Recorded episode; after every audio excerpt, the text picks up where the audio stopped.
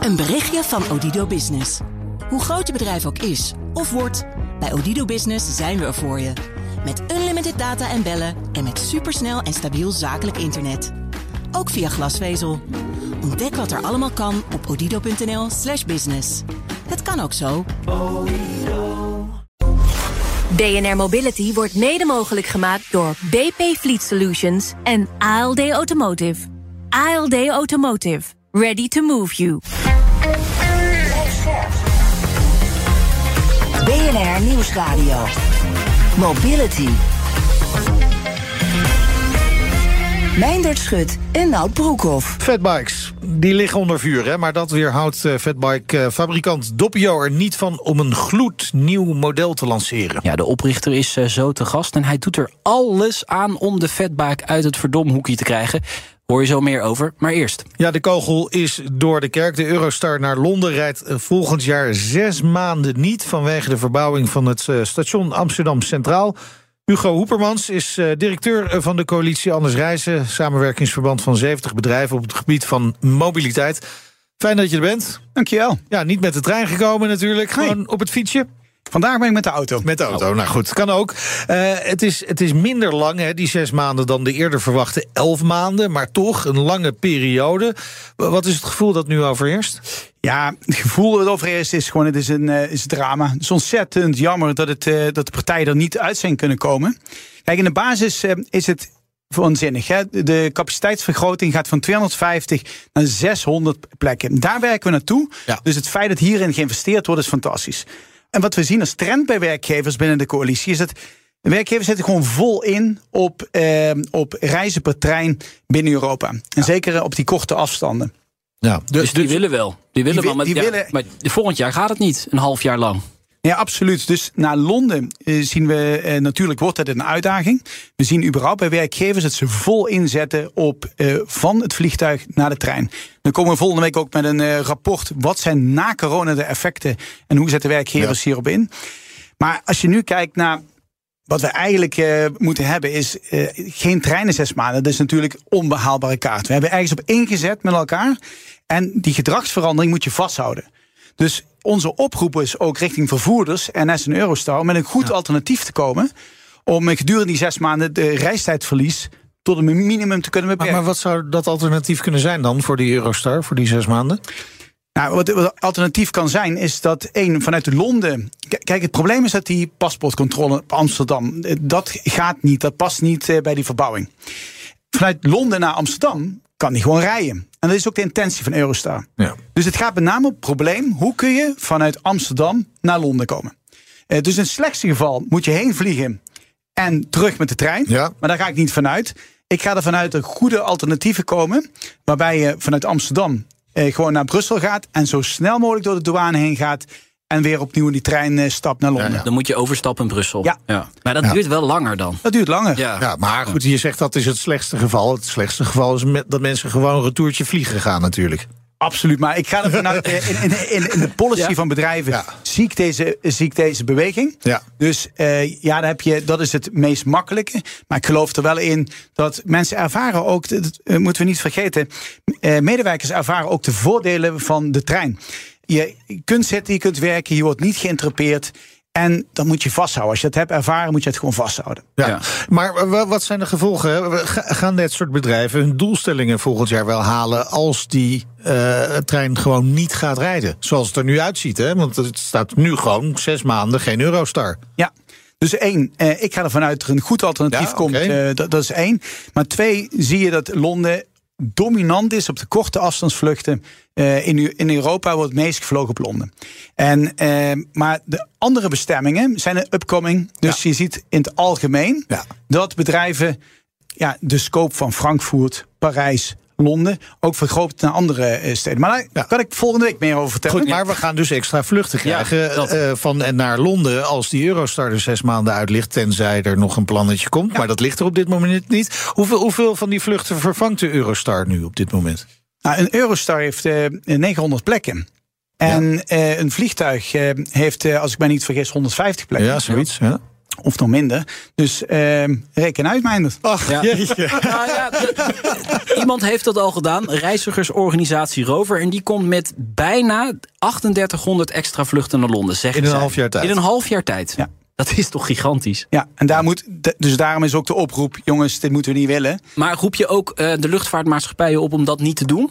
Om die, dat extra aantal vluchten in te zetten? Nou, je kunt, ik, ik, eh, eh, voor mij is vooral eh, de vraag: ik vertegenwoordig werkgevers. Ja, dat en, snap ik. en, ehm, en werkgevers kunnen er in ieder geval op sturen dat mensen minder reizen. Ja. Ja. En dat is dat je niet hoeft te reizen naar Londen eh, gedurende het half jaar, maar zo werkt het natuurlijk ook niet. Nee. Eh, dus, eh, Maar, maar Hugo, je komt eigenlijk met een best, zo op het oog, best werkbare oplossing hè, voor die Eurostar. Ja, ja. Hoe, hoe dichtbij is die oplossing? Zijn daar gesprekken over?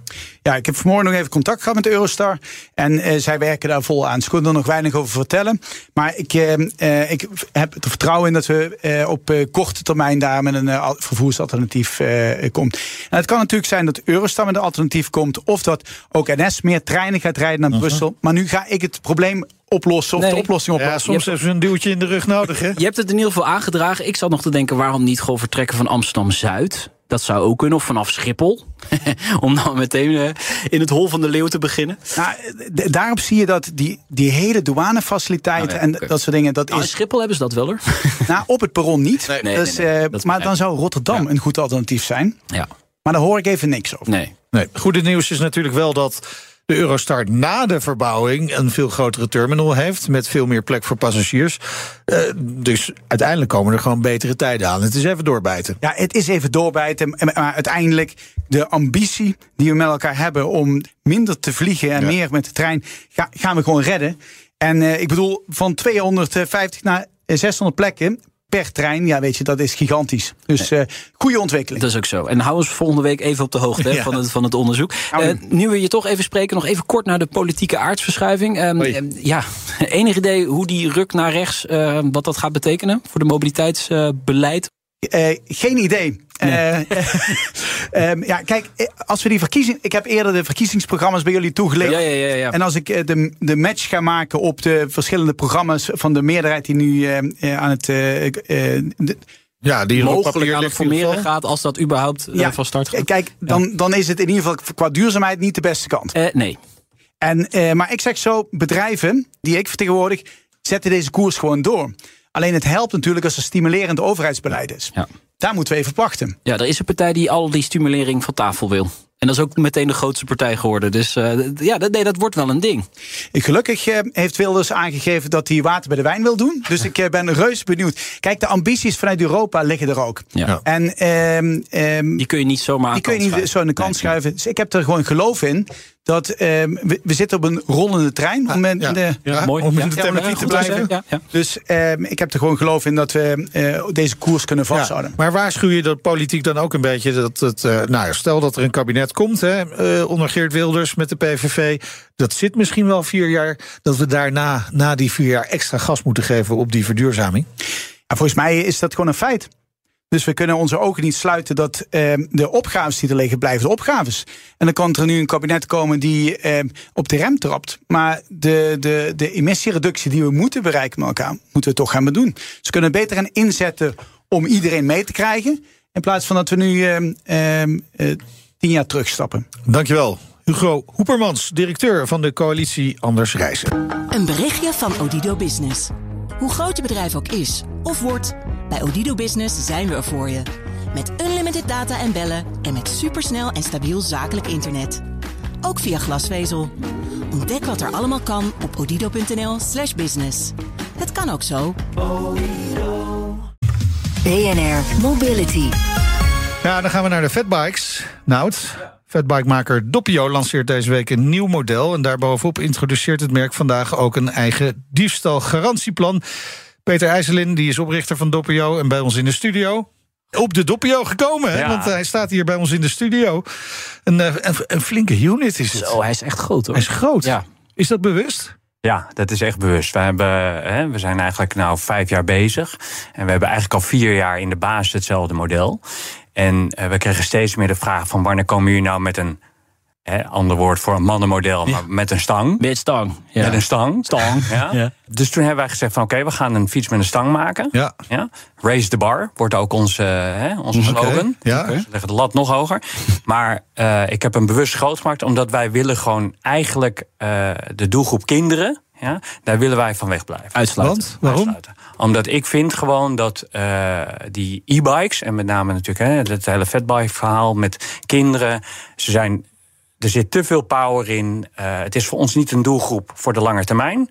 Hè? En hoe kunnen wij dat oplossen? Door gewoon te zorgen dat die fiets zo groot is dat je als kind er eigenlijk niet oppast. Oké. Dus we gaan ook geen kleine frame Nee, maken. maar, maar je gaat ze dan ook gewoon niet meer verkopen? Ah, Nou, of- dat ja. is lastig. Kijk, de, de wetgeving zegt dat er is geen minimumleeftijd. Nee. Maar ik vind dat wij als, eh, als e-bike leverancier, producent, een stuk verantwoordelijkheid moeten nemen. Ja. Ja. En hoe gaan we daar stukje bij beetje mee om? Nou, dat is, dit is een eerste stapje. En wij adviseren ook in de winkels. Wij hebben altijd gezegd, de middelbare school is eigenlijk de ondergrens. Ja. Eh, ja, van wa- wat kunnen wij eraan bijdragen? Ja. Ja, maar als jij hem niet verkoopt, dan verkoopt een ander eh fatbike-merk hem misschien wel aan die, aan, aan die kinderen. En dan komt die toch weer aan een fatbike. Dus eigenlijk zou je hier afspraken over moeten maken. Ja, dat is ook eigenlijk. Hè, wij hebben ook eh, vandaag een bericht de deur uit gedaan dat wij eigenlijk met een eigen keurmerk willen komen. Ja, ik las het. Fatbikes. En dat is ook van, laten we nou eens optrekken met, hè, met de partijen die echt serieus met het product bezig zijn. Mhm. Ik vind uh, Fat Force een heel mooi merk. Er zijn serieuze mensen erachter. Zeker. Hè, een kwalitatief goed product. Laten wij nou samen gaan zitten en hoe kunnen wij zorgen dat die categorie naar een hoger niveau wordt getrokken, waardoor je eigenlijk vanzelf ja, een beetje de rommel uit de onderkant krijgt. Ja, wa- wat zijn er te veel cowboys op die Ja, markt? ik vind het zeker. Ik vind dat het, het is te makkelijk nu. Hè. Ik, had, eh, ik heb laatst een post gemaakt waarin ik zeg dat je via AliExpress voor 5,500 euro Ja. een bike kan kopen. Ja. Wordt gewoon in een doos bij jou thuis afgeleverd.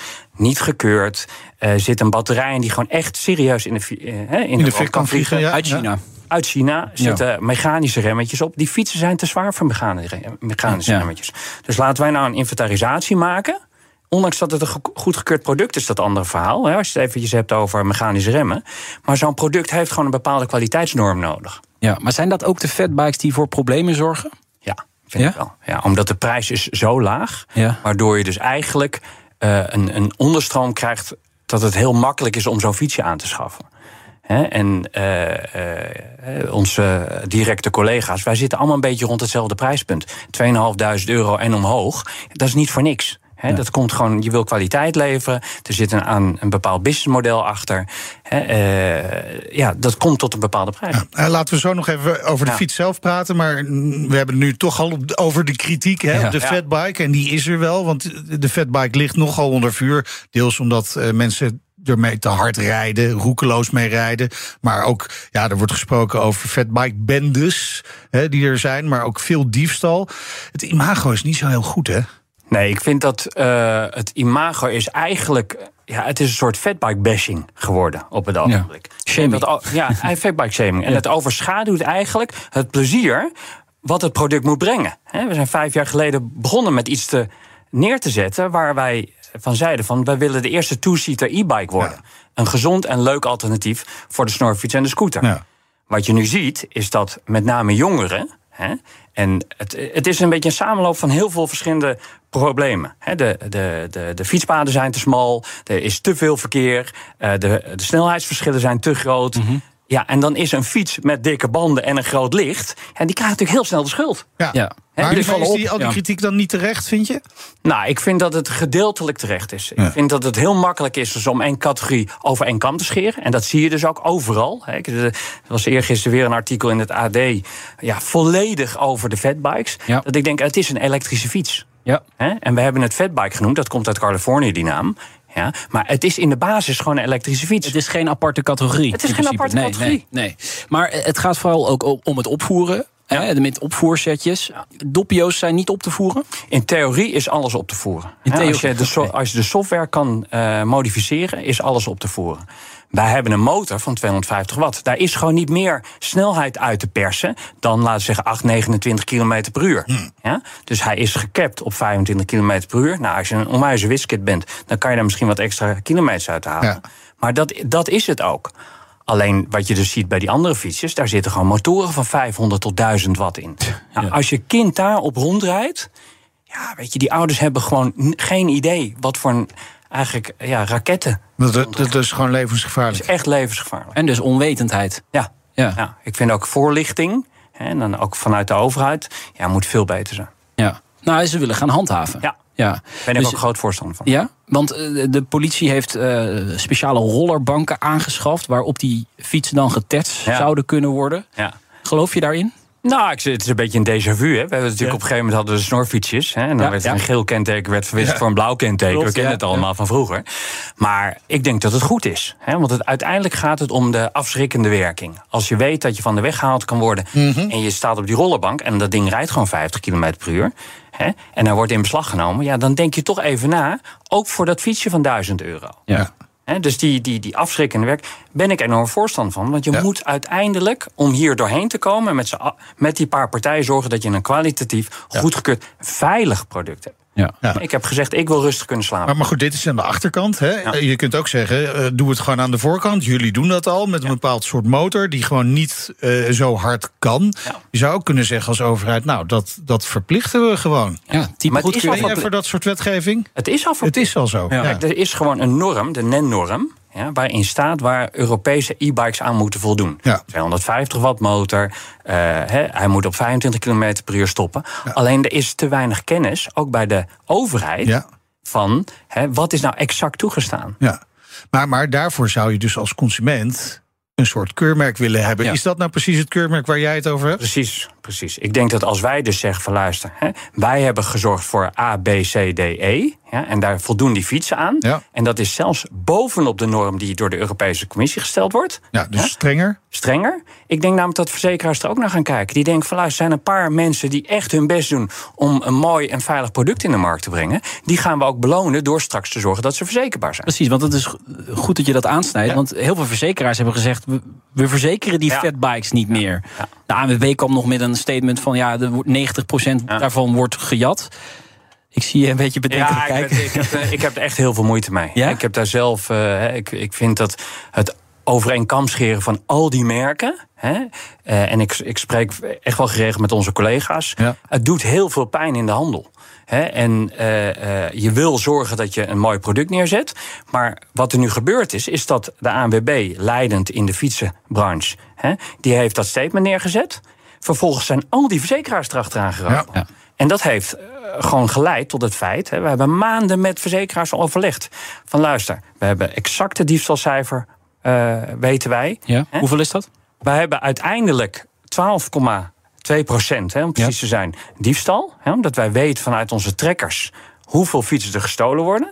Van die 12,2 procent haalt onze bikehunting team haalt 80 procent terug. Zijn gewoon harde cijfers. Ja. Dus we hebben netto 2,5 procent diefstal.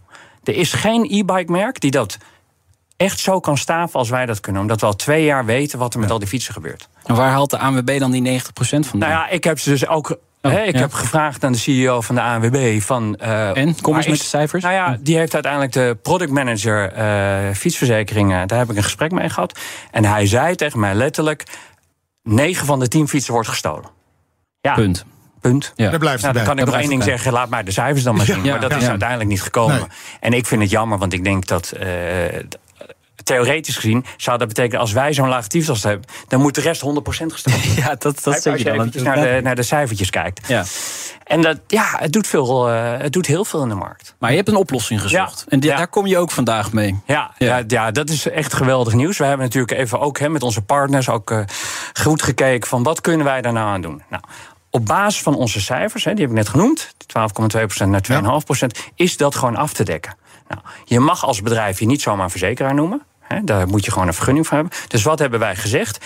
Wij garanderen, net zoals een stukje garantie. Hè, batterij heeft twee jaar garantie, elektronica heeft twee jaar garantie, Ja. frame vijf jaar garantie. Wij garanderen dat als jouw fiets ja, gestolen wordt. En we vinden hem niet binnen twee weken terug, krijg je van ons een nieuwe fiets. Oh, En waarom kunnen wij dat? Omdat Ja. wij weten wat de data zegt. ja, precies. Hè? Als je de data niet hebt, ja, dan neem je heel veel risico. Eh, Potentieel hoef je dat maar bij 2,5% van de fietskopers te doen. Ja, exact. Nou, je weet dat de schade 2,5% is Ja, uiteindelijk. ja. Hè, Dus dat, eh, als je weet dat je bij wijze van spreken heel erg moet gaan afprijzen om al die fietsen te verkopen, ja, dan is 2,5% niks. Nee. Nee. En dit ga je zelf doen? Dit, dit doe Ja. je niet met een verzekeraar erachter? Nee, nee, nee, we hebben gekeken. hè, Dat loop je wel een risico ook. Ja, 2,5 procent. Ja, ja, ja. Dat is het verhaal. Ja. Hè, en eh, eh, wij weten wel dat er zal komend jaar een nieuwe verzekeraar opstaan. Want de categorie is namelijk te groot. Ja. Ja. Hè? Dus er zal echt wel een verzekeraar zijn die zegt: ik ga dat verzekeren.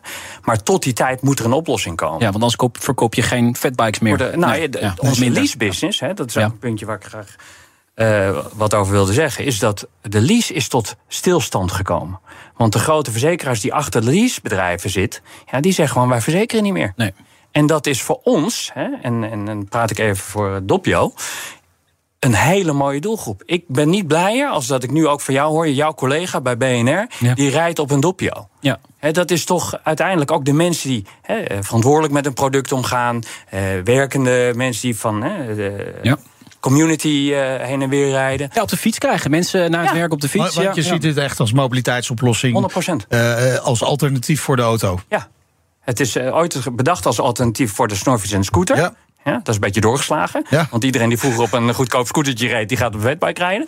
Maar wat wij zien is dat heel veel mensen de Doppio gebruiken als woon-werkverkeer. Ja. Maar in hun privé-tijd, vanwege dat two-seater-verhaal... Ja. lekker samen uit eten gaan. Of zeggen, ik ga de kinderen naar hè, hockey, voetbal, waar dan ook naartoe brengen. Echt... eh, we hebben wel eens een cirkeltje gemaakt van mobiliteitsopties. Dan heb je de auto, je hebt de bakfiets, je hebt de elektrische fiets. En wat mist daartussenin? Een Doppio. Ja, de brommer. Ja. Eigenlijk de brommer. Ja, de- Ja. Alleen dan elektrische fiets aangedreven. Ja. En dat is, dat, dat is het eh, schakeltje. Deze week verschijnt het nieuwe model. Tenminste, hij staat hier bij ons in de studio. stiekem, hè, dit, Hoe heet hè? het model eigenlijk? Ja, hij heet de Lasta. De Lasta. Ja, en dat betekent eigenlijk stang. en eh, dat is wel zoiets. Ja. nou, het grappige, ik zal één ding doen. Wij wilden hem eigenlijk de Barra noemen. Ja. Ja. En dat klinkt ook lekker. Maar Ja. Barra heeft een, eh, een hele erge streettaal eh Ja. bij eh, bedoeling. Dus we hebben daar maar even van afgezien. Oké, Oké. nou mogen mensen thuis zelf gaan uitzoeken wat eh, dat precies betekent. Ja. Eh, in ieder geval, die stang heb je ook maar gelijk eh, de kans benut om daar een bekerhouder in Ja. te zetten. Ja, dat mooi. is wel heel plezierig. Ja. Ja, maar is dit echt voor de mannelijke doelgroep of Nee. willen meisjes dit ook? Of- Nee, het grappige is dus eigenlijk dat wij heel veel vrouwen kregen die Ja. zeiden: wanneer kom je nou eens met een stoere model met een stang? Ja, want mannen- en vrouwenmodellen bestaan helemaal niet meer. Nee? Waarom heb ik ooit een lage instap, de lage instap gemaakt? Omdat als je met z'n tweeën zit en je hebt een stang, dan kan je heel moeilijk op en afstappen. Ja. Klopt. Hè, want je wil binnendoor Als je afstappen. dan je been eroverheen gooit Exact. en de persoon die erachter zit... En je hebt ook nog een je- mooi je rokje aan. fatbike afgeschopt. ja. Je hebt ook nog een mooi rokje aan, dat wordt helemaal Ik heb het wel eens bij mijn dochter gedaan. Oh, Oh, ja. jongens. Ja. Papa. Dus, hè, alleen, uiteindelijk ben je een product en je luistert naar je klant. ja. Ja. En toen wij wisten de afgelopen jaren dat we heel erg in onze service hebben ge- Ja. geïnvesteerd, kwaliteit. Nou, en nu zeggen we jongens, service is op orde, kwaliteit is op orde. Dit is het moment om met een stangversie te komen. Ja. En die gaan we in hele gekke kleuren brengen ook. Dus niet Ja, alleen maar stoer. Ja. Ja, we hebben eh, Wild Salmon. eh, er komen hele gekke kleuren aan. Cool. Oké. Ja. Leuk. Eh, natuurlijk gaat ook duurzaamheid speelt een belangrijke rol. Hè? Ook omdat het een alternatief is voor de auto. Dan denk je tegenwoordig ook aan circulariteit. In hoeverre is deze nieuwe circulair? Nou, dit model is in zoverre circulair dat wij binnen het bedrijf hebben besloten om te proberen in 2024 geheel circulair te zijn. Oké. Ja, en waar, waar begin je dan? Dan begin je eigenlijk van, hè, als de fietsen een aantal jaar rondrijden, wat ga je met die fietsen doen? Ja. Nou, wij zijn al vijf jaar op de markt. Dus je ziet nu dat de fietsen terugkomen uit de lease of uit eh, hè, dat de klanten zeggen van ik wil hem graag inruilen. Wij gaan dat dus terughalen. Dus dat, dat noemen ze een buyback programma. Dus we krijgen straks, en dat is eigenlijk de launch van deze dag ook. Hè, er zijn heel veel fietsen die lopen uit de verzekering. Die mensen kunnen Ja. die fiets niet meer verzekeren. Nee. Maar die willen graag een nieuwe fiets, maar wel verzekerd. Oh, dat is een heel mooi eh, verkoopmoment voor jou. Dus. Klopt, precies. Wij zeggen van luister, ruil nu die Doppio in. Ja. Ja. Je krijgt van ons het Doppio garantiepakket. Ja? En wij gaan dus, en ik kan je echt verzekeren, onze monteurs vinden niks leukers dan Doppio's weer refurbishen. Dus we gaan zorgen dat we eh, alle onderdelen die nodig zijn, batterij wordt gereviseerd. We hebben eigen engineers die reviseren batterijen. Die halen gewoon de cellen eruit, Ja. meten ze door en zetten ze er opnieuw in. En je bent echt niet van de een op de andere dag circulair. Alleen als je elke keer kijkt naar je supply chain, hoe is die ingericht? Dan kan je stap voor stap dat verbeteren. We komen volgend jaar, dat is ook wel een mooi nieuwtje, met een fiets die is geheel in Europa geproduceerd. Kijk. Ja. Ja, daar zijn de eerste mock-ups zijn nu eh, onderweg. Oké, mooi. Ja, er gebeurt veel bij Doppio. Zeker. Hè? Eh, Alles even helemaal samen Ja, eh, Vanaf wanneer te koop? Deze week? Deze eind Ja? deze week. Eind Ja, deze week. Lanceren we hem. Even, wat kost die? 24,99 start. Nou, ik ben heel erg benieuwd. Dankjewel, Peter IJsselin, oprichter van Doppio. En dit was BNR Mobility. Terugluisteren kun je via onze website, via onze app of een podcastplatform naar keuze. En vergeet je vooral niet te abonneren. Heb je nieuws of andere verhalen voor ons, dan mail je naar mobility.bnr.nl. Ik ben Meijnerd Schut. Ik ben Nout Broekhoff. Tot volgende week en dan begint onze eindejaarsserie. Zeker. En we trappen af met de Amsterdamse verkeerswethouder. Nou, de, de fatbike is dan ook wel een leuk onderwerp, Nou. denk ik. En eh, we gaan ook nog de topman van ProRail spreken, de eh, RET. Dus eh, er komt nog genoeg aan in december. Blijf luisteren dus. BNR Mobility wordt mede mogelijk gemaakt door ALD Automotive en BP Fleet Solutions. Today, tomorrow, together. Een berichtje van Odido Business. Hoe groot je bedrijf ook is of wordt, bij Odido Business zijn we er voor je. Met unlimited data en bellen en met supersnel en stabiel zakelijk internet. Ook via glasvezel. Ontdek wat er allemaal kan op odido.nl/slash business. Het kan ook zo.